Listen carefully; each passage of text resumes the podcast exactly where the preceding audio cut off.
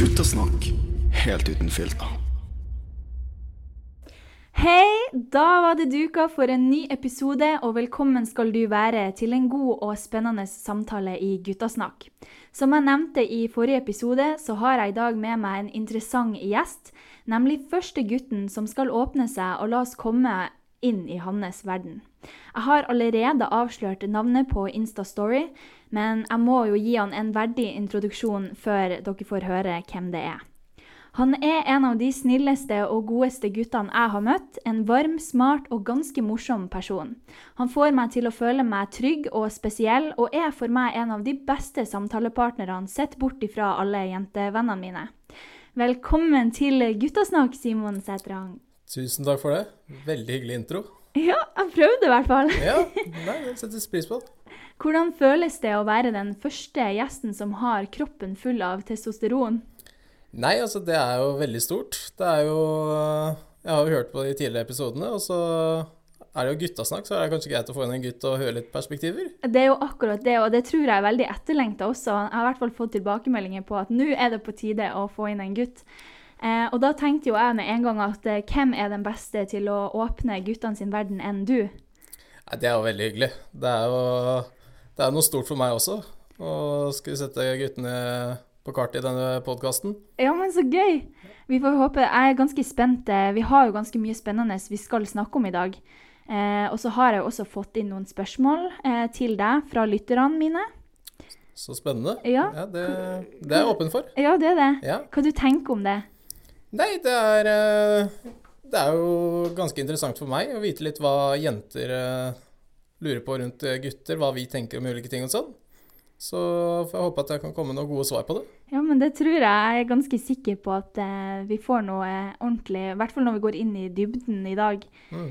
Eh, men eh, det som er litt gøy, er jo at det første vi skal begynne med, er jo å fortelle dem som lytter, hvordan jeg og du egentlig møttes. Ja, det var ganske tilfeldig, det. Det var veldig tilfeldig. Eh, du kan jo få begynne med din versjon først. Jeg håper ikke den er så ulik din. Nei, vi får se, da. Nei, jeg var jo da i Bergen og besøkte min bror. Og vi bestemte oss for å ta en liten tur ut på byen og se litt stemninga der. Og så hadde vi fått i oss noen enheter, og så plutselig så dukka du opp. Var det noe så plutselig? Ja, det var jo ganske plutselig, vil jeg si. Mm. Eh, og vi begynte jo å snakke, fikk ganske god tone, egentlig. Eh, og så bestemte vi oss egentlig bare for å gå ut og snakke litt sånn på utsiden av klubben, fordi det var litt mye støy der inne. Mm. Og så ble vi egentlig bare sittende på en benk i Bergen og snakke til uh, nesten mot morgenen. Ja, det var det. Og vi, uh, vi snakka om egentlig alt mulig. Det var jo Ble kjent, og så skravla gikk. Ja, det gjorde jo det. Det gjorde det. Helt ekstremt også. Og jeg, jeg vet ikke, snakke nonstop i ganske mange timer òg. Ja, det var liksom Vi tenkte ikke på at vi skulle gå inn igjen, kanskje noen leiter etter oss. Vi bare ble sittende og snakke og klikka med en gang. Ja, vi fant, vi fant oss sjøl i en helt annen verden, egentlig. Den støtter jeg. Ja. Nei, men da, da har jo du fortalt veldig sånn uten detaljer, da. Ja, jeg vet ikke hvor mye detaljer du Det er spennende å høre din historie. Ja, nei ehm, Jeg vil jo bare liksom på en måte si litt hvordan Hva som skjedde inni meg, da. Fordi at eh, eh, Vi kom jo inn på det utestedet. Jeg var jo med en flokk, på en måte. Mm. Eh, og ehm, jeg er jo litt sånn Jeg går gjerne fra gjengen for å finne spennende mennesker, eller Ja, og så skulle jo ene venninna mi på do, da. Um, og da sto jeg utfor og venta. Jeg tror ikke jeg egentlig hadde tenkt å vente på henne, men jeg sto nå der. Uh, og da husker jeg at du kom ut av doen. Eh, mannedoen, da, selvfølgelig. Eh, Ja. Og så kom du mot meg. Eller du kom Jeg vet ikke om du kom mot meg, men du var nå i hvert fall der. Eh, Jeg har fortsatt bilde i hodet av hvordan du uh, kom, fordi at du så litt sånn Jeg vet ikke, jeg fikk, du, du gikk bare og smilte, liksom. Ja, Smil i hula. I hvert fall etter dobesøk, ja. Ja. Så da eh, så jeg deg, og så Jeg vet ikke om jeg gikk bort til deg eller noe sånt. Jeg har litt sånn vagt minne om det, men ja, det er egentlig litt vagt for meg også. Men det, det virka som at vi bare Vi to skal bli kjent, eller noe. Ja, det var et eller annet sånn. Mm. Vi bare ble trukket imot hverandre. Og så fikk jo jeg da komme med på bordet der du satt med broren din og hans kompiser. Og så, ja, resten sa jo du, da. Jeg gikk Ja. ut for å snakke, og sto jo og snakka kjempelenge utfor der. Og så begynte vi nå bare å gå. Og så fant vi den benken i parken, og så Der ble vi sittende. Der ble vi sittende. Husker du enda da du skulle følge meg til hotellet igjen? Eh, så sto vi utfor der, og så hoppa du opp i et tre som sto utfor der, og for å ta et blad. Ja, jeg rev jo Jeg tenkte OK, hvis hvis vi skal huske det her, så må vi ha et lite minne, tenkte jeg da. Og jeg hadde jo ikke noe annet rundt meg enn et tre. Så hoppa jeg opp i det treet, så jeg som jeg var, og dro av et blad. Ja. Ett til hver. Mm, Og så sa jeg at eh, dette bladet her skal vi ta vare på. ja. Så skal vi huske dette øyeblikket. Mm.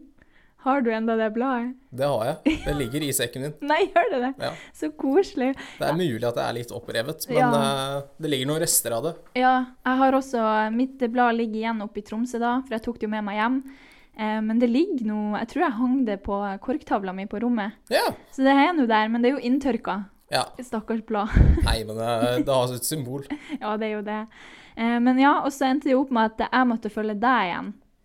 Ja, det var jo litt sånn eh, Jeg var jo kanskje litt varm i fletta og litt mange enheter innabords, men eh, Så du ble jo da med opp til eh, leiligheten til broderen Mm. utenfor deg, som var var vel en ti minutter å gå, cirka. Mm. Og så ble jo stående der også, for vi hadde jo egentlig ikke lyst til å si ha det. Nei. Fordi du skulle jo dra tilbake dagen etterpå, Ja. ganske tidlig, så vi hadde ikke mulighet til å møtes da. Nei, det ble en Det var jo det var jo en ganske fin avskjed uansett, for at vi var enige om at vi skulle holde kontakt. Det var vi. Ja. Så det, det gikk jo fint, men vi sto der lenge, ja. Det var eh, Det var nok en god halvtime. Ja, jeg tror det. Ja. Og så skulle jeg da finne veien tilbake til hotellet, og det, var jo, det gikk jo egentlig bare lett som det. Ja. Altså, det var lett. Men eh, ja, eh, vi glemte kanskje å fortelle når det her var. Ja, det var jo mot slutten av sommeren som var nå, egentlig. Ja, i Det var- juli. Ja, Mm. eksakt dato husker jeg ikke helt i hodet nå, Ja, det var vel natt til 19. juli. Ja. Mm. noe sånt. Ja. Så det er jo litt artig å tenke tilbake på. Så har vi jo hatt kontakt helt siden da. Ja, det har jo vært opp og ned litt i perioder, litt hvor mye vi har snakka sånn. Mm. Så har jo jeg har styrt med mitt studio, og du har styrt med ny jobb og litt sånn der. Så det har vært mye for begge å gjøre. Det har det. Men eh, vi har uansett alltid klart å hatt noen snapper hver dag og sånn. Ja, vi har det. Så har vi Det er vel siste måneden hvor vi har snappa litt ekstra. Mhm. Og du bestemte deg for å komme hit. Ja, og hit er altså da i Kristiansand, hvor du studerer og bor med to kompiser. Det stemmer. Så det blir jo artig. Nå skal vi jo eh, oppleve mye den helga her, og Ja, det er et tettpakket program. ja.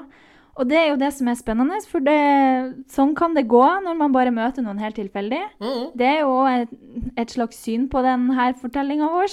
Ja, ja.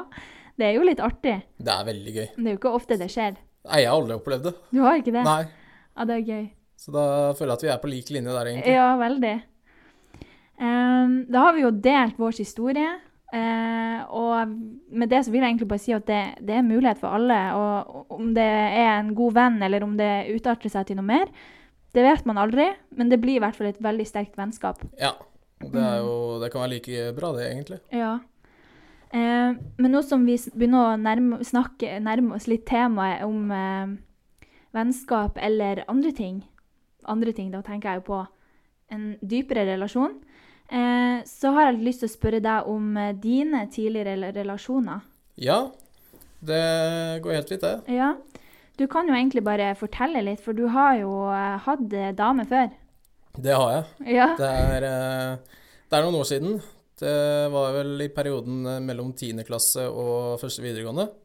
ja, det er jo en stund siden. Det er en stund siden. Ja. Det varte vel i halvannet år, tror jeg. OK, men det er jo fint. Eh, mange som trodde at eh, de to blir det, og alt sånt her, fordi vi hele tida var sammen. Mm. Eh, men samtidig så tror jeg vi var for mye sammen. At Oi. vi til slutt begynte å gå lei hverandre på en eller annen måte. Oi. Og så ble det mye mindre tid til å være med kompiser og sånn, for jeg, jeg var jo forelska. Det var første gang jeg hadde følt på forelskelse og sånn. Så det var jo. Prøvde alltid å sette av tid og rydde i ukeplanen min for å få plass til å være noen timer med henne. Ja, så du prioriterte tida med henne. Ja. Ja. Det gikk jo både utover eh, skolekarakterer oh, ja. og vennskap og sosiale ting utenom også. Ja, det er det som er farlig med forelskelse og forhold, da. Ja, det er, det er en risiko med det. Mm. Nei, så eh, vi så egentlig begge to at eh, kjemien ikke var som den skulle. Og så var det vel hun som trengte en pause. Oh, ja. Og da begynte jeg liksom å skjønne at eh, nå går ikke ting riktig vei. Nei. Jeg føler litt av den pausen er egentlig bare en utsettelse på å slå opp. Å ja, ja, men du, den, den er typisk, ja. Ja, Mm. Så var det vel at hun eh, ringte meg og sa nå må vi prate. Oi. Og da, da var det slutt. Å, men du skjønte det da, eller? ja, jeg skjønte det. Det var liksom litt på det toneleiet hennes og Ja. hvordan hun faktisk sa det og sånn. Så det var uh... Men det gikk fint. Begge var uh, innstilt på at det kanskje var det lureste. Men var du klar for det? Jeg var vel på en måte klar med tanke på at vi hadde hatt pause i noen uker. Så jeg hadde jo liksom begynt å innstille meg på at det kan bli utfallet nå. Mm. Og var ikke noe sånn Det kom ikke som noe sjokk, egentlig. Nei. Så, men vi er venner den dag i dag. Ja, det er, bra. eh, Bor på hver vår side av landet og oh, ja. styrer med vårt. Ja, ikke Så sant? det er eh, Men det er ikke noe hard feelings lenger, og Nei. vi er ikke sure eller noe. Men hadde du kjærlighetssorg? Ja, jeg hadde jo det. Det kan jeg ikke legge skjul på. Det var jo Det var den første ordentlige kjæresten jeg har hatt, utenom sånn barneskoleromanser. Ja. Og så varte det jo i halvannet år nesten. Så det var jo Man har brukt ganske mye tid med den personen. Ja, det er klart. Så jeg tror det tok vel en tre-fire måneder, tror jeg, før jeg liksom var ordentlig sånn Nå skal jeg fokusere på meg selv, nå, Oi, nå går livet videre. Ja, tre-fire måneder, det er, jo, det er jo en stund, da. Det er jo absolutt det. Det er jo Mm. nesten et halvt år. Ja. Men uh, samtidig så følte jeg at jeg gjorde de riktige tingene og hadde rett folk rundt meg sånn. Og da var du heldig, da. Ja. Ja. Det hjelper ganske mye, det å fokusere kun på seg selv, høre på den musikken man liker, trene hvis man har det som hobby, og bare koble av. ja. Men det er veldig viktig det du sier med å fokusere på seg sjøl Ja. når man er klar for den, for det kan jo òg gjerne ta litt tid, da.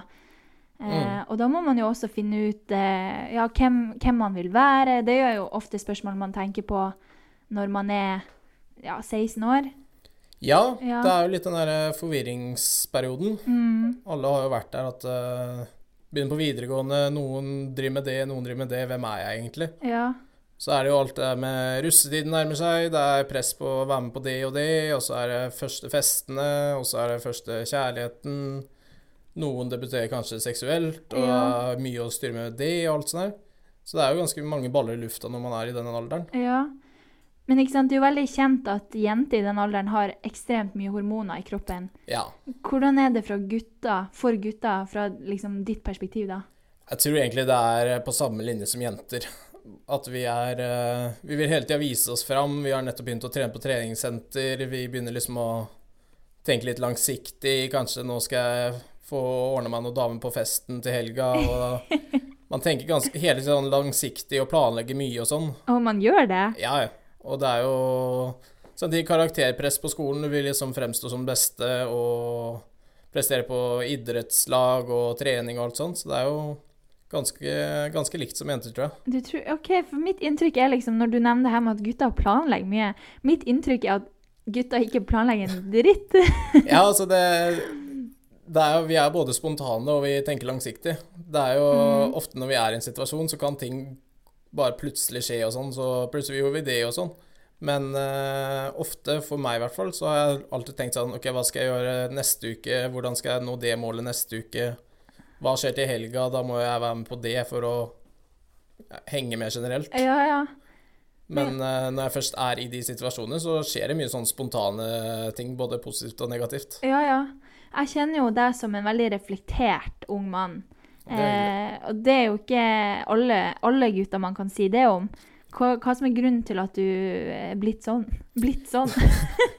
Blitt sånn? Nei, det er et veldig godt spørsmål. Det er eh, Jeg har alltid hatt den interessen av mennesker generelt, både i alle aldre og ja, spesielt mindre barn, da, siden jeg går barnehagelærer. Men eh, også har jeg fått det fokuset på at eh, jeg skal først ha det bra, Mm, og så skal de rundt meg ha det nesten like bra, om Ja. ikke bedre. ja, Fordi det er Det påvirker så mye om deg selv, om de rundt deg har det bra. det er sant. Og det smitter jo over. Hvis en kompis er glad, så blir jo jeg glad. Er han lei seg, så går jo det utover meg også. Det er sant. Da tror jeg det egentlig bare har bygd seg opp over lengre tid. At det er eh, fokusert liksom på å sette meg inn i folks følelser. Klare å liksom tolke hva de mener med det de sier og sånn. Og da Mhm. tror jeg den refleksjonen har kommet litt, litt av seg selv, egentlig. Ja. Og det når du nevner det, så er jo det også noe du har gjort noe med. Ja, Ja. det er jo noe jeg har begynt med nå de siste to årene, er det vel, tror jeg. Ja, det går Eller langt tilbake. Mm. Da var jeg, det var periode jeg var i militæret, og sto egentlig bare og hadde veldig mye forskjellige mennesker rundt meg. Noen jeg ikke skjønte meg noe på, og noen jeg skjønte litt for mye av, egentlig. Ja, ja. Så sto jeg da på vakt. Kan ikke si helt hvor og Nei. sånn. Det er greit. Eh, og det var midt på natta, tror jeg, så hadde jeg sånn notatbok. Så prøvde jeg egentlig bare å skrive ned alt jeg hadde av tanker, og reflektere litt rundt det. Hvordan har jeg endt opp her, hva, hva skjer videre, og hvem er folka rundt meg? Ja. Ut fra det så blir det en, en del sånne små, bare to-tre linjer om enkelte situasjoner, som nå har bygd seg da opp til at jeg kan si at jeg skriver poesi, da. ja. Mm. Og denne poesien, den deler du jo med andre òg. Det gjør jeg. Det var et ganske sånn stort og surrealistisk øyeblikk for meg når jeg bestemte meg for å Nå skal jeg dele mine tanker med andre. Ja. Eh, så snakka jeg med en veldig god venninne av meg som hadde, var i militæret med meg også, Mm. Og visste om den skrivinga. Så sa hun bare at eh, hvis dine ord kan hjelpe noen andre, så da må du gjøre det, liksom. Og da bestemte jeg meg bare for å lage en Instagram. Det er jo der folk henger for tiden. Ja. Eh, Starta med en eh, ganske anonym Instagram, eh, hvor jeg egentlig prøvde å sette ord på andre sine følelser. Ja. Det er jo det som også står i bioen min, at eh, jeg prøver å sette meg inn i hva folk tenker. Hvis de har f.eks. kjærlighetssorg, eller 'hvorfor er du glad akkurat nå', så har det egentlig bare blitt noen ganger ukentlige postinger, andre ganger månedlige postinger. ja. Du tar det når du føler for det, liksom. Ja, i starten så stressa jeg veldig med å få ut ganske mye. Sånn Tenkte nå må jeg legge ut, nå må jeg legge ut, nå må jeg legge ut. Og det ble ganske tungt, fordi du går inn i andre sine følelser. Ja. Og iblant, hvis du ikke finner noe der, så går du inn i egne følelser og graver fram kanskje noen gamle sår, da. Ja. Og da blir det ganske sånn heavy å hele tida skulle gå inn i seg selv for å please alle andre rundt deg, med at de kan lese om det og sånn. Ja. Så da fant jeg egentlig en balanse på at nå legger jeg ut når jeg selv vil. Ja. Og jeg har jo lest mye av det. Det er mye som treffer veldig òg. Så det, det kan jeg kanskje tro at det gjør for veldig mange jenter. Du har jo mange jenter som følger den eh, profilen. Ja, eh, sånn publikumsmessig sånn, så har jeg ikke helt oversikten hvor mange gutter og hvor mange jenter som følger, men det er jo et flertall av jenter. Mm. Eh, og grunnen til det tror jeg egentlig er litt fordi det er blitt så tabelagt for gutter å sette ord på sine egne følelser. Ja. Og i hvert fall på andre sine følelser, å sette ord på det. Så jeg tror, tror egentlig at mange gutter også er redd for å følge sånne kontoer. Ja, det, det, ja. Fordi de tenker liksom, hvis en kompis ser at jeg følger den kontoen, og tenker han at jeg er lei meg, tenker han at jeg har kjærlighetssorg, er det noe galt med meg da, liksom? Men vi er jo gutter, vi òg, vi har jo følelser. Ja, ja, det, ja, det vil jeg gjerne snakke litt mer om. Ja. Nei, så det er, eh, det er nok flest jenter som føler det, men jeg skriver jo fra et ganske sånn kjøs- kjønnsnøytralt perspektiv. Ja. Jeg skriver ikke om det er en gutt eller en jente sånn egentlig, sine tanker. Nei, det er jo det som er så fint òg. Mm. Man må liksom på en måte tolke det litt som man vil, da. Ja, og det er liksom det jeg prøver på også, at uh, det skal kunne nå til både gutter og jenter, da. Ja. Og gjerne i alle aldre også. For jeg har jo fått meldinger fra damer opp i 40-50-åra liksom, oh, ja. som setter pris på det, og da tenker jeg sånn Jøss. Leser dere også det her? Ja. Du når ut til ganske mange, da. Ja, det er jo blitt en ganske sånn fin plattform man kan nå ut til så mange som mulig, som man vil nå ut til. Og hvis det er dem som lytter, ønsker å følge den, da, hva de må søke på Instagram? Da må du søke på passende ord. Det er eh, passende, og så understrek ord. Og det er eh, et navn jeg, jeg var veldig mye fram og tilbake med hva skal jeg kalle den siden her. Mm. Tenkte at det kanskje bare er noen passende ord som folk trenger å høre i ny og ne. Ja, Det kan være greit å kunne lese egne tanker iblant også. Det er helt klart. Og det er jo akkurat det som er så fint med den brukeren. Og i hvert fall når du viste meg den, så kjente jo jeg veldig at her, her er det mye som treffer veldig. Og man kan jo bla ganske langt tilbake òg og finne masse fine tanker som er skrevet ned. Ja, den uh, har jo eksistert nå i halvannet år, tror jeg. Mm. Uh, mye av det er jo basert på venner sine følelser og enkelte situasjoner, men samtidig så er det noe av det som også er mitt. Ja. Og det kan jeg ikke komme foruten, egentlig. Nei, det er jo- vanskelig. Men den, eh, den har eksistert nå en god stund, og den er ikke noe jeg tar veldig høytidelig sånn med at eh, nå skal jeg bli Norges største poet, nå skal jeg ta igjen de og de på Instagram og sånn. Det har liksom bare bygd seg opp sånn jeg vil det, egentlig. Ja. Det er jo akkurat det som er så fint, for her er det du som styrer den. Det er du som setter din egen standard, og det mer kan du ikke gjøre, liksom. Nei, det er helt rett. Men det kan jo hende den eksploderer nå. Nei, det, det er bare hyggelig, det. Men det er jo Lang periode så var det jo veldig sånn Det her kan ingen få vite om, det her holder jeg helt skjult. Mm. Og det er jo derfor jeg ikke hadde noe navnet mitt i bioen eller noe sånt. Men hva som fikk deg til å på en måte stå frem, da? Det var egentlig det at jeg gikk litt inn i meg selv og bare skjønte hvorfor skal jeg legge skjul på det her? Det er jo det er ikke det verste man kan legge skjul på, akkurat. Nei, det er jo ikke det. er, eh, hvis mine ord også kan hjelpe gutta, så er jo det ekstra bra. Og jeg har flere kompiser nå som følger den, Ja. som har sendt meg melding med at uh, akkurat den du la ut i dag, den, den følte jeg litt på, egentlig. ja. Uten at de da vet at jeg har skrevet om den, da. Ikke sant? Men uh, Så det er litt sånn periodevis hvor jeg kan være litt flau over den, uten at jeg helt skjønner hvorfor. Og noen ganger så er jeg sånn veldig stolt av den også. Mm. Det er jo bare naturlig, naturlige følelser, da. Ja, ja. Mm. Det er jo Det er sånn det går opp og ned, egentlig. Ja. Men uh, det er samtidig ikke noe jeg går rundt og forteller alle jeg møter om, og 'hei, du må følge meg på Instagram' Nei, nei. og alt sånt. ja, du luska den litt sånn forsiktig inn når første gang vi møttes. Det var jo Ja, det var litt sånn Fordi det er en såpass personlig ting, mm, så er følte at jeg ble såpass fort trygg på deg også. At det Mm. var sånn Da har ikke jeg noe problem med å vise den siden av meg heller. Nei. Og sånn er det gjerne med enkeltpersoner også. Mm. Man bare skjønner den personen er faktisk trygg å være med, den dømmer Ja. meg ikke og sånn. Å, herregud, det setter jeg veldig stor pris på at du sier. det er fint. Men du sier jo at du setter ord på også vennene dine sine følelser og tanker og sånn. Mm. Eh, men men hvorfor, hvorfor gjør du det, liksom? Hva, hva er grunnen til det? Nei, det er jo litt sånn eh, Jeg har jo kompiser her og der i landet som jeg har jo kontakt med veldig mange. Eh, Og det er ofte hvor de liksom kommer til meg og sier ja, nå trøbbel med dama, nå vet jeg ikke helt hva som skjer, jeg overtenker og alt sånt der. Uten at de helt klarer å sette ord på det, fordi det er så uvant for dem å snakke om følelser. Ja, Og da prøver jeg heller å sette meg inn i deres hode for å kunne hjelpe de bedre, da. OK. Tenke som at eh, hva hadde jeg gjort hvis jeg var i den situasjonen? Ja, ja. Og ut ifra det da, så har jeg prøvd å skrive det. Bare sånn veldig korte setninger og kan være to-tre ord bare. Ja, ja. Eh, og da har det egentlig bare blitt en sånn balanse på det, at jeg setter meg inn i deres hode for å kunne forstå de bedre og kunne hjelpe de bedre. Så kommer det noen ord ut av det, og noen Ja. setninger.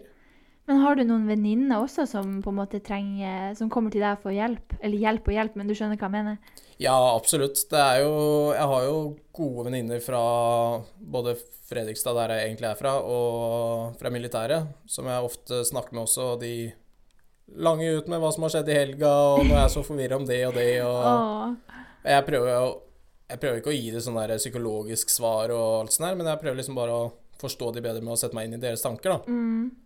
Og iblant så funker det veldig greit, og iblant så skjønner jeg ikke et bær av det ved det, egentlig. Nei, nei. Da har jeg liksom prøvd litt for hardt. Men hvordan type Kan man kalle det problemstillinger, på en måte? Er det, er det guttene dine kommer til? For det tror jeg mange lurer på. Ja, nei, altså det, det, kan være alt fra at de generelt bare har en dårlig dag, har prestert dårlig på si, fotballtrening, Mm. og er litt sånn OK, nå mestrer jeg ikke fotball lenger, nå har jeg spilt i 13 år, men bommer på alle ballene. Eller så kan det være litt sånn OK, nå er dama innstilt på at vi skal ha pause, nå overtenker jeg, nå er hun på fest, og jeg sitter hjemme, hva Men overtenker dere gutta? Og vi overtenker, da. Men kan du si litt om det? Hva, hva er det det går i, liksom? Nei, det er jo det når du har funnet en du faktisk setter veldig stor pris på, og som du faktisk føler deg veldig knytta til, da. Mm. Så får du automatisk den tanken Tenk hvis hun plutselig finner en som er enda bedre. Hva gjør jeg da? Tenker gutta sånn? Ja, vi gjør det. Hæ? Nei, jeg får en åpenbaring her. Nei, det er eh, Jeg tror egentlig gutter og jenter er ganske like der. Fordi du, Mm. når du har funnet en du bryr såpass mye om, så vil du jo liksom holde på den personen så mye som mulig og ha Ja. kontroll på den personen. Hvis du føler at du ikke har kontroll på den personen, så kommer jo de negative tankene. Ja, OK. Jeg syns bare det er så rart, fordi nå, nå når du sier det, så blir jeg dratt litt tilbake til ting som jeg har hørt.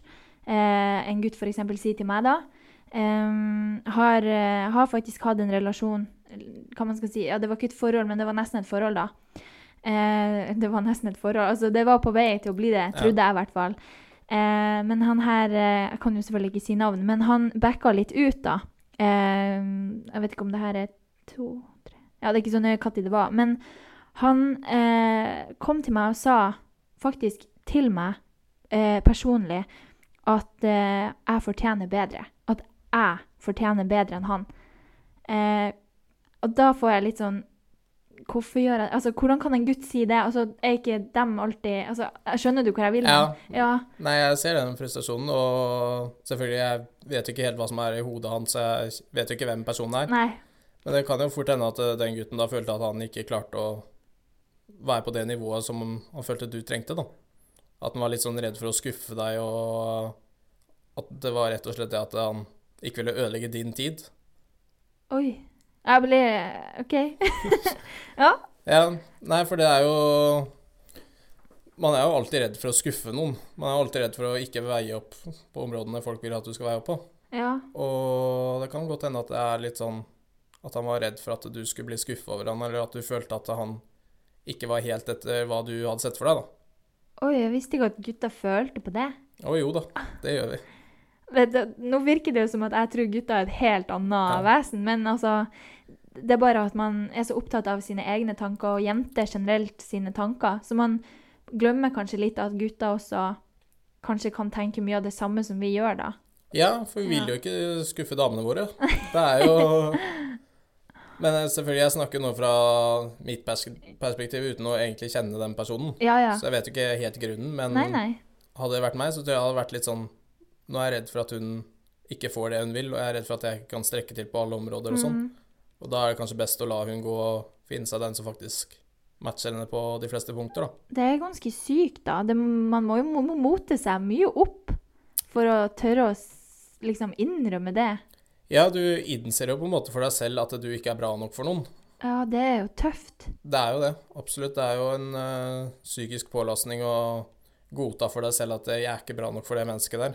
Det mennesket fortjener en annen enn meg, selv om du egentlig vil at den personen skal like deg på alle områder. Ja, ja. Oi, det er litt vanskelig å se om det der er negativt eller positivt.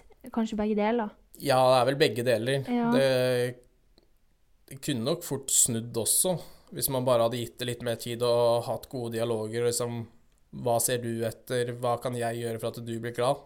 Ja. Og tørre å ha de samtalene. For uh, det er litt vanskelig å lese på en person hva en person vil ha, Ja, ja. uten å spørre.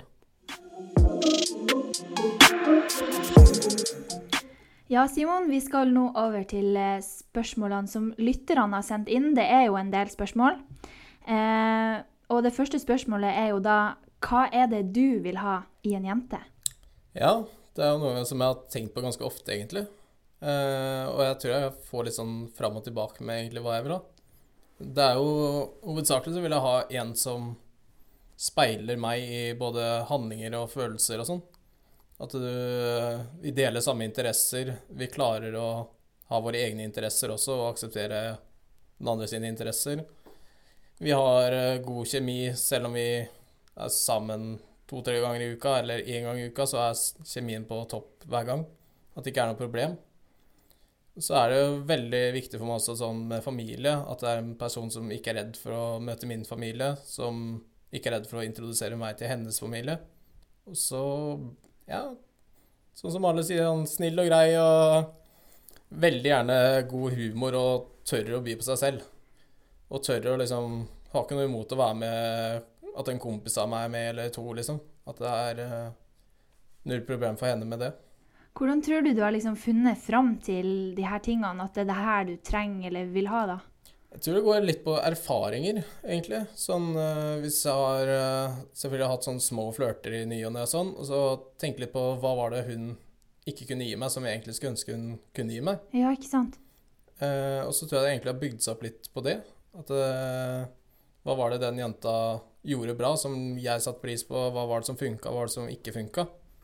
Så tror jeg ut ifra det at jeg har klart å lage meg et litt sånn tankekart, da. Mm. Mm. Jeg er litt overraska, for du begynte liksom rett på det her med kjemi og, og hvordan hun er som person. Mm. Du sa ikke noe om at uh, hun må ha blondt hår eller uh, en fin kropp, og det overrasker meg litt, da. Uh, for det er liksom ikke det første du tenker på. Nei, altså, det er jo Selvfølgelig, et utseende er jo det man ser med en person. Men hvis du kjenner en person såpass godt og ser kun de positive sidene, så tror jeg det kan veie mer opp enn en modell, liksom. Ja, ja, ja. Og det er ikke gitt at en med et blondt hår eller et brunt hår er en bedre jente enn en med et rødt eller svart hår. Det er veldig bra at du sier det. Dette er noe veldig mange gutter trenger printa inn i hodet sitt. Eh, det kan jeg snakke av erfaring når det gjelder meg sjøl og, og venninnene mine. da, at liksom, Det handler ikke om hvordan hun ser ut. ikke sant? Mm. Det er greit med førsteinntrykk, men bli nå ordentlig kjent. Gi, gi folk en sjanse, liksom. Ja. Mm. Eh, vi skal jo nå videre. Eh, det ene spørsmålet eh, går jo litt Det er litt sånn mange spørsmål i hverandre, da. Men du har jo sett dette spørsmålet på forhånd, Ja. heldigvis. Eh, så jeg leser bare opp alt. Eh, hva tenker du om utroskap? Merker du noe på om det er vanlig blant gutter? Mm. Eh, nei, altså, utroskap er jo noe jeg absolutt ikke støtter. Det er en idiotisk ting å gjøre. Det er en idiotisk ting å ja, havne i en situasjon hvor man må prøve å forklare seg bort fra det. Og det er liksom Har du gjort det, så, så har ikke du noe sympati fra meg. Nei. Og det er litt sånn Sånn som du sa det videre på det spørsmålet, om jeg har opplevd det, eller uh, noen av gutta og sånn. Eh, jeg har ikke opplevd at noen har vært utro, eller tidligere kjæresten har vært utro. Jeg har aldri vært det selv. Og sånn er det egentlig for kompisene mine også. Vi har aldri hatt det problemet i gjengen, fordi vi Hvis en kompis sitter på fest, og så er han litt vel mye med en jente, selv om han har kjæreste, så tør vi å si ifra. Ja, dere gjør det? Ja. Ja. Fordi ofte så blir man Kompisen er godt kjent med kjæresten også. Du, Mm. du vil jo ikke miste en venn pga. at kompisen er drita og Nei, sant. Dere er lojale mot hverandre, men også kjæresten til kompisen, da. Ja. Okay. Man må tenke på begge parter. Ja, det tror jeg ikke er så mange som gjør. Nei. Nei. Så har, du har ikke opplevd at en kompis har eh, vært i nærheten av å være utro heller, da? Nei, altså Det spørs jo litt også hva man definerer som utro også. Uh, og der tror jeg det er mange som er litt sånn forvirra. Fordi jeg tror det viktigste er at man vet hva man definerer hverandre som. Er vi sammen nå, eller holder vi på? Hva er greit, hva er ikke greit? Hvis en person føler at man Nå er vi sammen, liksom, mens den andre er litt sånn fortsatt i oppbyggingsfasen, og den personen gjør en feil da, så er det kanskje den andre parten som føler litt for mye på det enn hva man egentlig bør, da. Ja, ja. Så jeg tror det er viktig å ha en sånn god dialog når man nærmer seg ordentlig romanse og sånn, da. At eh, hva er greit, hva er ikke greit? Hva syns du er dumt at jeg gjør, hva syns jeg er dumt at du gjør, og sånn. Ja, ja. Det er jo kjempeviktig, og det er jo akkurat det som er med kommunikasjon. Det er jo det som er Og hvis man har bra kommunikasjon, så kan det jo fort hende at man faktisk også klarer å unngå det her med utroskap. For det er jo eh, studier som viser at det, det er feil kommunikasjon, eller sånn at det er den Mm. som gjør at Hvis det er dårlig kommunikasjon, at det er den som gjør at en, den ene parten ofte trekker litt ut og finner en annen Ja, på sida. Em, det er jo kjipt. det er jo veldig leit. sånn. Det skal Ja. jo ikke være sånn. Det er jo Du skal klare å holde deg til den personen du er forelska i. Mm. Og det er uh, bedre å våkne opp med samme jente hver dag i 50 år enn å våkne opp med den ene som er kanskje litt penere. Mm, sant, ja. Em, grunnen til det her spørsmålet er jo eh, hun som har sendt inn, da. Eh, hun føler i hvert fall at utroskap er veldig vanlig blant gutter og menn. I hvert fall der hun bor, som da er i Nord-Norge. Ja. Eh, jeg vet ikke helt om jeg kan Ja, Nord-Norge Når jeg er i Tromsø, i hvert fall, så merker jeg ikke kanskje så mye til det. Men jeg har jo opplevd at venninnene mine har eh, kommet til meg og sagt at han har vært utro. Hva Mm. gjør jeg nå? Eh, jeg har jo aldri noe godt svar, for jeg vet jo ikke. Det, man føler seg jo bare svikta og såra og Ja, man føler seg nedgravd, egentlig. At mm. nå er alt jeg har gjort, blitt gjort forgjeves, egentlig. Ja. Eh, og sånn basert på landsdel og sånn, så er det litt Jeg vet ikke hvordan folk fester oppe i nord, jeg vet ikke hvordan folk fester i sør, og Nei, sant. Men det er jo litt sånn Det skal ikke være noen forskjell, egentlig. Nei, det burde jo Det vært er likevel. eh, Har du fått deg en dame, og begge sier at eh, 'nå er vi sammen', og du faktisk er forelska i den jenta, så er det den jenta som er din. Ja. Det er kun henne. Det er bra du tenker sånn. At i hvert fall du tenker sånn. Ja, altså Jeg kan ikke snakke for alle gutter her i landet, men uh, det er i hvert fall sånn jeg tenker at det, det spiller ikke noen rolle om det er i nord, vest eller øst. Det, har du funnet ei jente, så er det hun som er din. Ja. Hører dere? Det er bare å take notes. Um, vi skal litt videre. Uh, litt bort fra Det er jo et veldig sånn negativt tema. Utroskap. Det er jo litt sånn Ja, det er ikke mye positivt med det, egentlig. Nei, absolutt ikke. Uh, så vi skal videre til et litt annet spennende spørsmål. Eh, når er man klar for å forfølge kjærligheten? Ja, det er også et veldig godt spørsmål. Litt Eh, generelt, egentlig. Litt sånn generelt spørsmål. Ja, Mm. for det tror jeg er veldig fra person til person. Noen blir jo veldig fort knytta og tenker sånn For hver person du møter, nesten, så er det 'han skal jeg være med resten av livet'. Ja. Eh, og der tror jeg også at det er ganske likt for både gutter og jenter. Iblant så blir man liksom bare betatt med én gang, og tenker langsiktig med en gang. Ja. eh, når det ikke er sikkert at den andre gjør det. Og så er det jo eh, Det er ikke noe godt svar på sånn akkurat tidspunkt og hvor lang tid det, sånn oppbygningen skal ta og alt sånt der. Det er jo fra par til par, fra person til person. Noen trenger lengre tid. Noen eh, par har liksom data i en uke, og så er de sammen. ja. Men det, jeg tror egentlig at det, for min del så trenger jeg tid.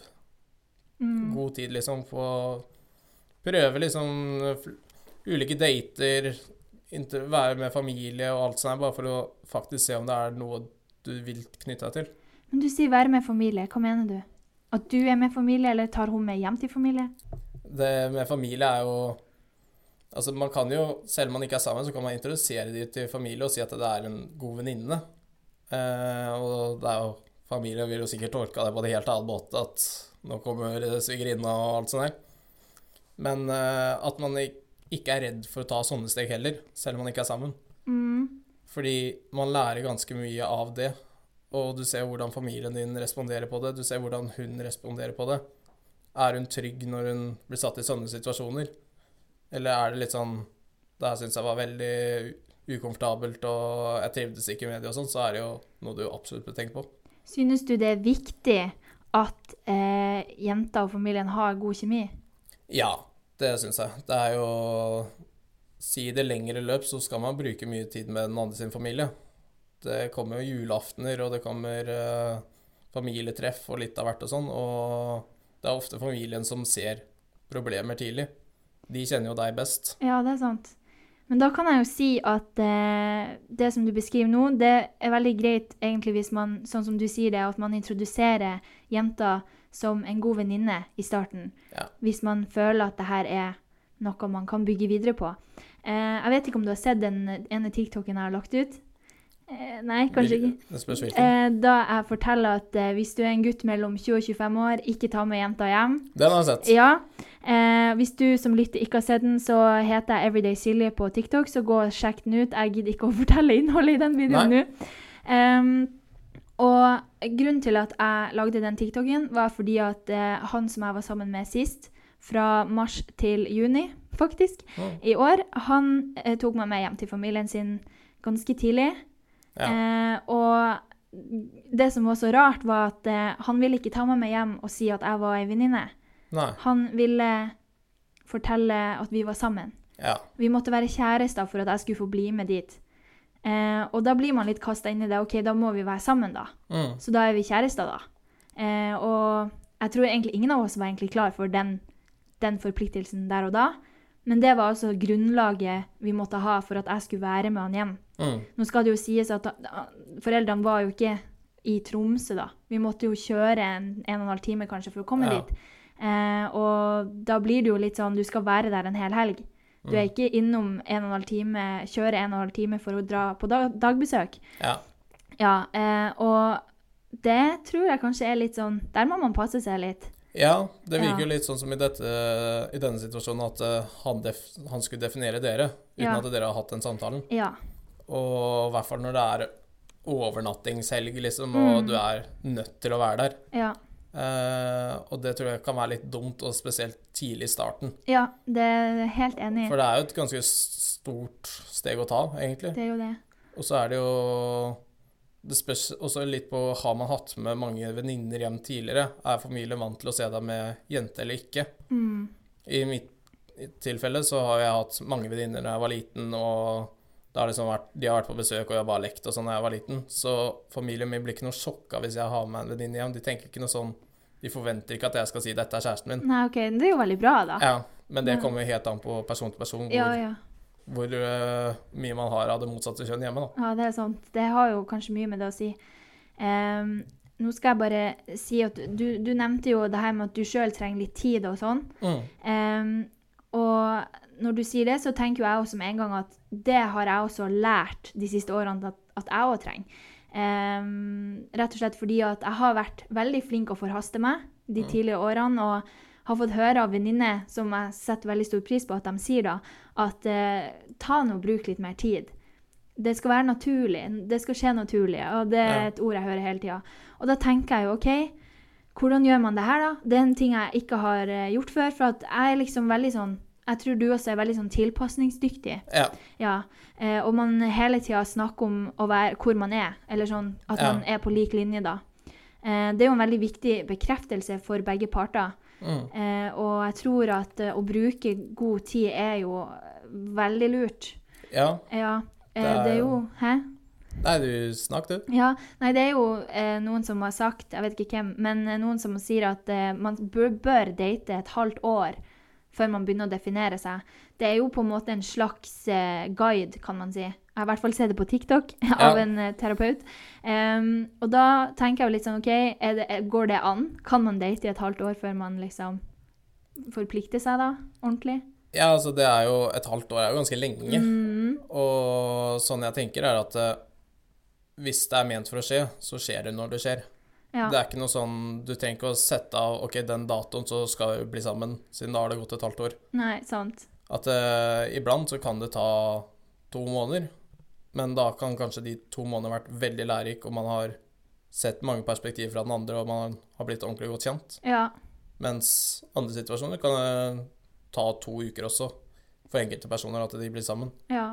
Og noen klarer det jo òg. Noen klarer det, absolutt. Eh, I mitt tilfelle så tror jeg alle hadde klart det. Fordi Nei. da har ikke jeg sett nok sider av den personen. Vi har vært sammen dag og natt i to uker. Mm, sant. Men eh, jeg tror du trenger litt mer enn to uker, egentlig. For du skal se gode sider, du skal se negative sider, og du skal dele såpass mye på den korte tiden, da. Ja. Og det er litt den derre Har vi god tone nå i to uker, eller har vi god tone nå i 20 år? Ja, ja. Det er jo ikke gitt at samme gnisten er der i tredje uka. Nei, nei, det er sant. Men uh, ja, et halvt år er jo lenge. Det er jo lenge. Det er litt for Og- lenge. Jeg vil si at det er litt for lenge, fordi det er så mye som kan skje på et halvt år. Og spesielt sånn hvis man bor litt ifra hverandre, at man ikke har mulighet til å se hverandre hver dag. Og folk har ferie, folk har skole, og så kommer det de festene der og alt sånt der, så tror jeg det kan være vanskelig å holde den gnisten og tilliten på plass. Ja. Jo mindre man hele tiden har god dialog, og begge er innstilt på at det, til slutt så blir det oss. ja. Mm. Eh, vi må nesten litt videre. Eh, et annet spørsmål var Er det noen eh, do's and don'ts? Nå vet jeg ikke om jeg sa det helt rett, da, men uh, når det kommer til hvordan preferanser eller krav man burde ha til sin fremtidige partner. Ja, det er jo veldig sånn uh, fra person til person, tror jeg. Noen uh, er jo helt avhengig av at hun er treningsnarkoman, sånn at de helt tiden kan trene sammen. Mm, Noen er veldig opptatt av at hun kan se fotball i helga med deg og alt sånt der. Men, og der er det jo også den dialogen som er viktig, og sånn. Men jeg Do and uh, don'ts, var det det Ja, kalte? ja. Eh, viktigste er jo at man har interesse av å bli bedre kjent med den andre. At man har interesse av at det her kanskje kan funke. mm, Og at begge er ærlige på det hvis man føler på noe.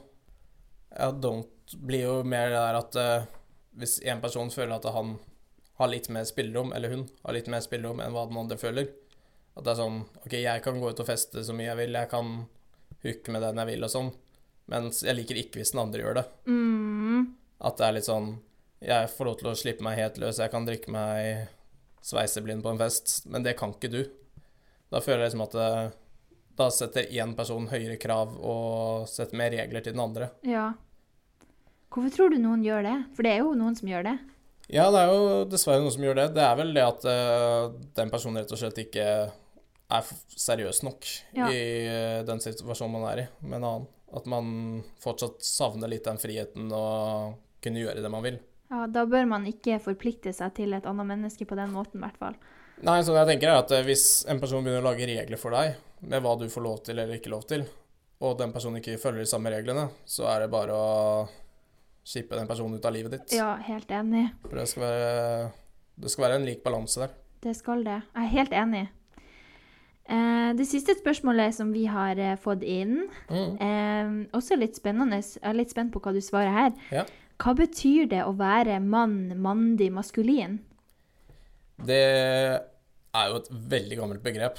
Og spør man foreldrene våre, så er det jo mannen skulle ut og hogge ved, og han skulle stå for alt, og kona skulle være hjemme.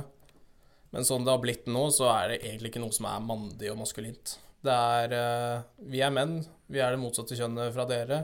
Og om en person som løfter 300 kilo i markløft, men også sitter hjemme og griner, er han maskulin da, eller er han eh, det motsatte? Ja, sant.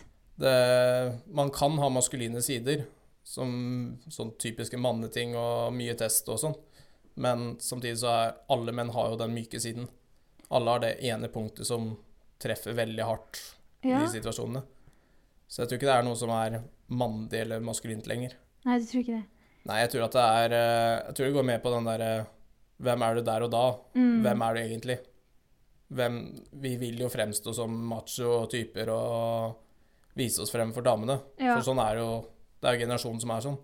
Evolusjon Evolusjonen har jo gjort at vi har blitt sånn, men sånn samfunnet er nå, så er det ikke noe som er maskulint eller feminint. Nei. Det er gøy at du sier det. Så jeg har et spørsmål til deg. Oi, OK. Og nå er jeg spent. Hadde du sett på meg som skriver poesi, men som uh, driver med mye gutteting som maskulin? Um... Selv om jeg har den myke siden hvor jeg setter ord på følelser og sånn. Men likevel så elsker jeg å trene, liker å sitte hjemme i sofaen med gutta og se på fotball og ja. Jeg vet ikke. Altså, jeg føler egentlig at det er litt sånn Det jevnes litt ut, da. Mm. Eh, at det på en måte, som du sier, da, det er ikke et ord som er det. På, eller maskulin er på en måte ikke noe. Ehm, jeg ser på deg som en gutt, liksom. Ja. Ung mann. Nei, men det, er hyggelig å høre. Ja. For sånn tror jeg det er for de fleste. Mm, At vi har våre sider som virker veldig eh, test og fylte, og så har vi de sidene som er helt vanlige. ja. Som alle skal ha, egentlig. Ja, ja. Jeg vil liksom ikke Jeg vet ikke. Jeg, jeg tenker litt sånn Det er ikke sånn at når jeg ser en, en litt høy eh, For eksempel en høy mann som har store muskler og stor kasse og sånn her, så tenker ikke jeg 'oi, han er maskulin'. Mm. Jeg tenker 'ok, han er trent'. Ja. Ja, og det samme tenker man jo med jenter som har eh, muskler, ikke sant. Ja. Så jeg, jeg vil heller si det enn en maskulin, ja. Du har egne trekk ved deg selv som gjør at det enten kan være maskulint eller feminint. Ja. Men det er ikke den hovedpersonen du er. Nei, nei, det er akkurat det. Nei, da har vi konkludert med det. Det har vi. Ja. OK, nå, jeg- nå er jeg spent om du er klar, for nå er det det siste jeg har til deg i dag. Ja. Em, det er noe som jeg og mine venninner har klart å drodle fram. Å, hjelp. Eh, eh, og eh, det her er Det er, kan virke litt passivt aggressivt, kanskje, Oi. faktisk. Eh, men jeg er litt spent på hva du tenker, da. Em, og grunnen til at jeg skal spørre om det her, det er rett og slett fordi det her er noe som både jeg og mine venninner har opplevd. Um, nå skal jeg ikke pine deg mer, jeg skal rett og slett fortelle Ja. det. Uh, OK, da må jeg bare begynne, da. Um, en teori veldig mange jenter har, er at gutter forfører oss. Og hva mener jeg med det? Jo, uh, guttene de legger så mye innsats på oss jenter i starten. Um, og så merker kanskje guttene at oi, nå har de tatt det litt for langt. De har kanskje innrømt at de er blitt betatt. Eh, og det gjør jo også da at jenter blir mer gira, mer, interessant, er mer interessert, mener jeg. Og altså det at når en gutt forteller at «Nå- jeg, ble, jeg er betatt, ikke sant? Du, du, da fyrer du opp under. Da, er du, da har du jenta på glid. Ja. Um, og plutselig så kan det hende da, eller det som skjer da, er at eh, gutten plutselig mister interessen. Og mm, trust me, vi jenter vi merker jo det veldig fort. Eh, bare en snap kan si mer enn tusen ord. Eh, og, eller et bilde, da. Eh, og da eh, blir vi jo litt sånn Det er derfor vi sier forføre. Mm. Eh, vi føler oss forført, vi føler oss kanskje litt lurt, eh, utnytta. Hvis man allerede har vært til sengs, f.eks.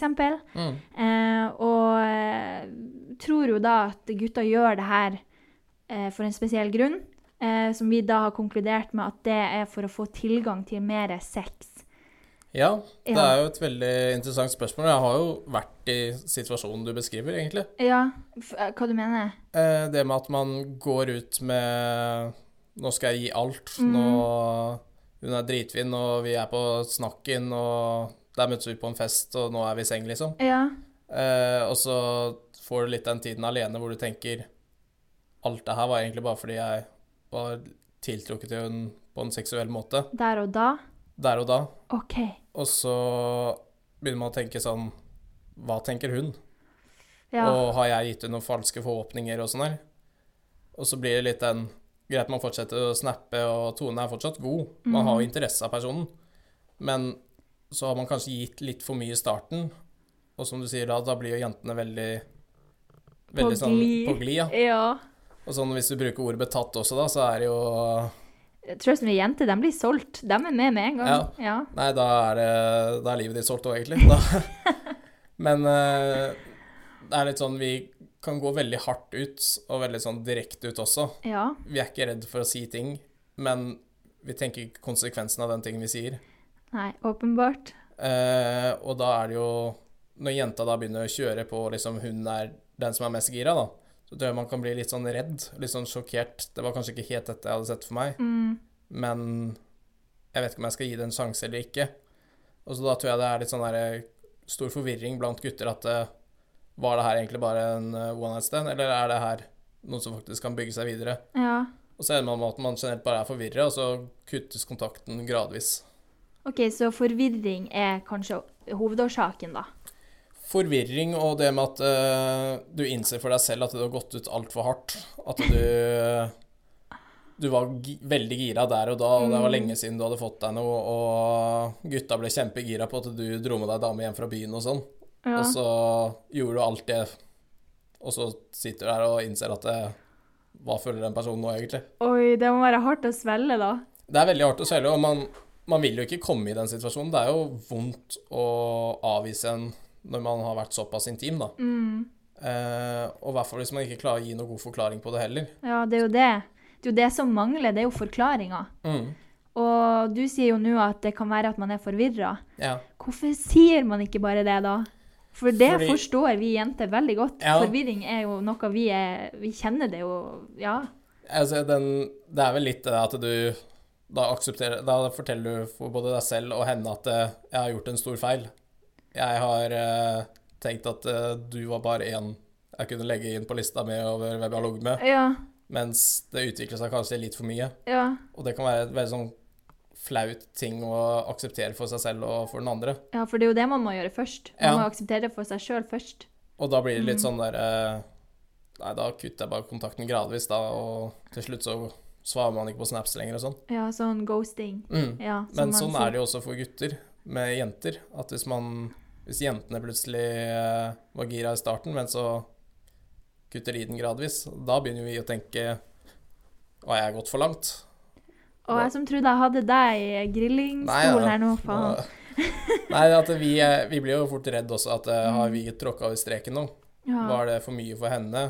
Har jeg sagt Var det kanskje ikke innafor å si at jeg syns du er en herlig jente, og jeg har faktisk blitt betatt av deg? Men når vi blir ghosta, så gjør det jo dritvondt for oss òg. Ja, dere, men dere forventer ikke noe forklaring. Det er jo det som jeg har merka, hvert fall. Hvis, nå skal jeg faktisk være så slem og innrømme at jeg har faktisk ghosta før. Å nei! Hjelp. Eh, og eh, ja, eh, men jeg forventa litt da, når jeg gjorde det, da jeg gjorde det, at denne personen ble å liksom spørre om en forklaring, da. Mm. Men det kom aldri. Nei, det kom jo litt an på om man var litt forberedt på det, om man ville egentlig litt at det bare skulle kuttes eller ikke. Ja. Eh, og så er det jo Sånn jeg har vært, eller opplevd, er jo det at eh, når kontakten kuttes og litt sånn her, så er det liksom greit å bare spørre går det greit for tiden. Ja, Man vet jo aldri om det kan være noe annet heller. ja det er sant. Eh, og så hvis da bare får snap Jeg føler ikke at vi har så mye til felles lenger, og er egentlig ikke så interessert, så greit, da vet du det, da. Men Ja. det krever jo veldig mye fra motparten å Ja, det er sant. gi den sannheten. Og så er det jo det at man, i hvert fall, altså det vet jeg jo med oss jenter, vi er veldig flinke til å gå rundt grøten på Det er sånne dere. Ja, ja, Absolutt. ja, skal ta den. Um, og da er det jo også litt vanskelig å få fram poenget om at hvorfor man gjør det på den måten, da. Mm. Uh, så jeg skjønner litt den også. Ja. Jeg Nei, altså det Men samtidig så tror jeg det er guttene som er verst i den situasjonen der. Ja, Og havner mest på andre siden, at det er vi som Vi går inn med alt, og da får jeg behov, og så mm, angrer du dagen etterpå. ikke sant? Og, og det er jo det litt sånn, når man har gjort det der, når en gutt har gjort det flere ganger, Mm. ja, hva kaller man en sånn gutt? Det er jo, Fuckboy. det er jo fuckboy. Ja, dessverre. Ja, og eh, jeg har aldri hørt om noen som har sagt fuck girl. Nei, Nei. Det, er jo, det er jo sånn diskutert tema også. Hva kaller man en jente som ligger rundt? Det ja, det blir jo fort eh, det ene ordet som jeg ikke skal bruke på denne podkasten. Ja, Fire bokstaver, alle vet hva jeg mener. begynner på H. Ja, Mm.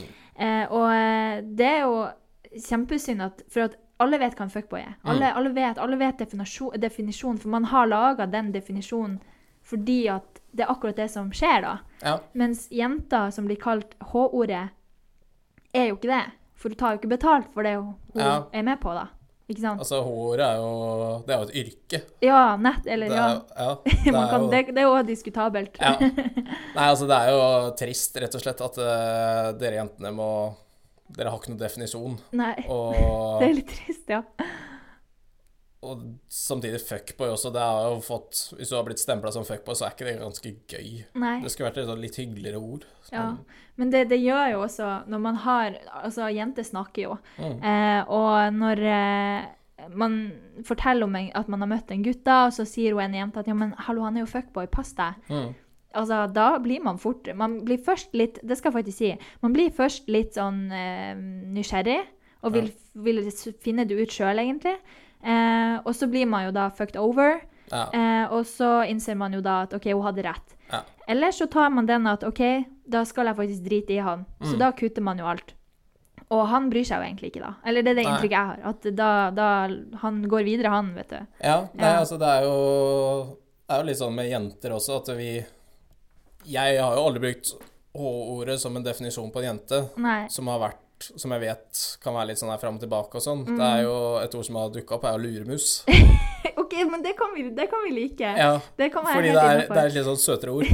Og da er hun litt lur samtidig. Ja, det er sant. Eh, hun spiller ballen riktig og vet hvor hun har guttene Ja, og sånn. ikke sant. Mm. Eh, og det er jo det er som du sier, det med at når du først så har blitt advart mot en fuckboy, så blir du samtidig litt nysgjerrig, tror ja, jeg. ja. Sånn er det jo for vi guttene også, at eh, ja, hun er litt luremus. Da blir det jo litt sånn der Ja, kanskje jeg også er litt luremus, da. og da Da havner man jo i sengen da, plutselig, og så ja, ja. Nei, det er jo sånn det kan ende opp, da. Ja, Ja. men uh, det spørs jo også litt hva man definerer en luremus og en uh, fuckboy som. Er det Ja. en som uh, ligger rundt, eller er det en som snapper med alle jentene, eller alle guttene, da? ja, det er sant. Vi lar, det, vi lar den henge litt i lufta. Det kan folk tenke litt på, hva de definerer det som. Ja. Og så har vi jo nå gått gjennom alt som Ja. vi hadde tenkt. Og det er jo også litt gøy, for vi har snakka kjempelenge. Ja, det har Ja. blitt en eh, god runde. Ja. Mye interessant å tenke over. Ja.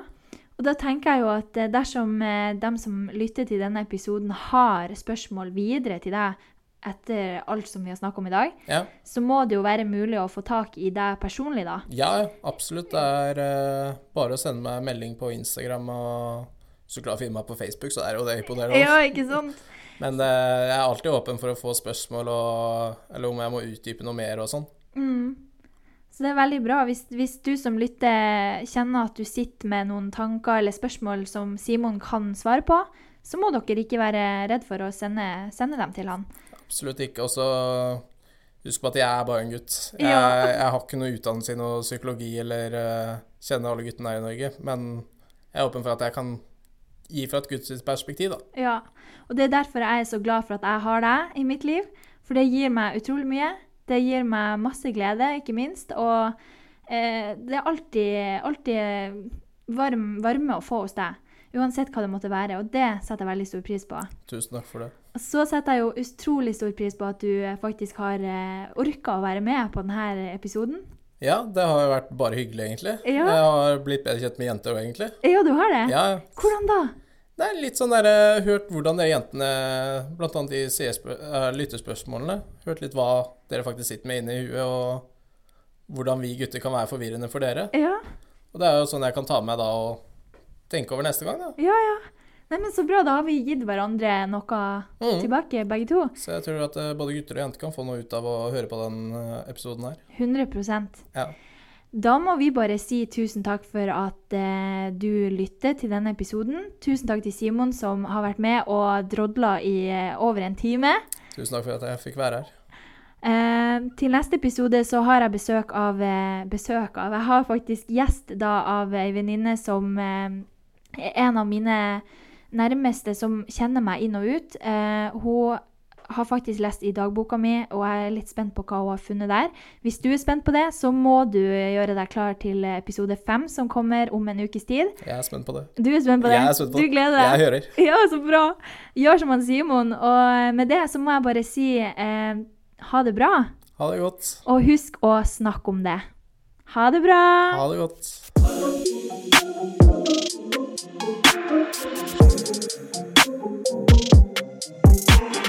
Guttasnakk helt uten filter.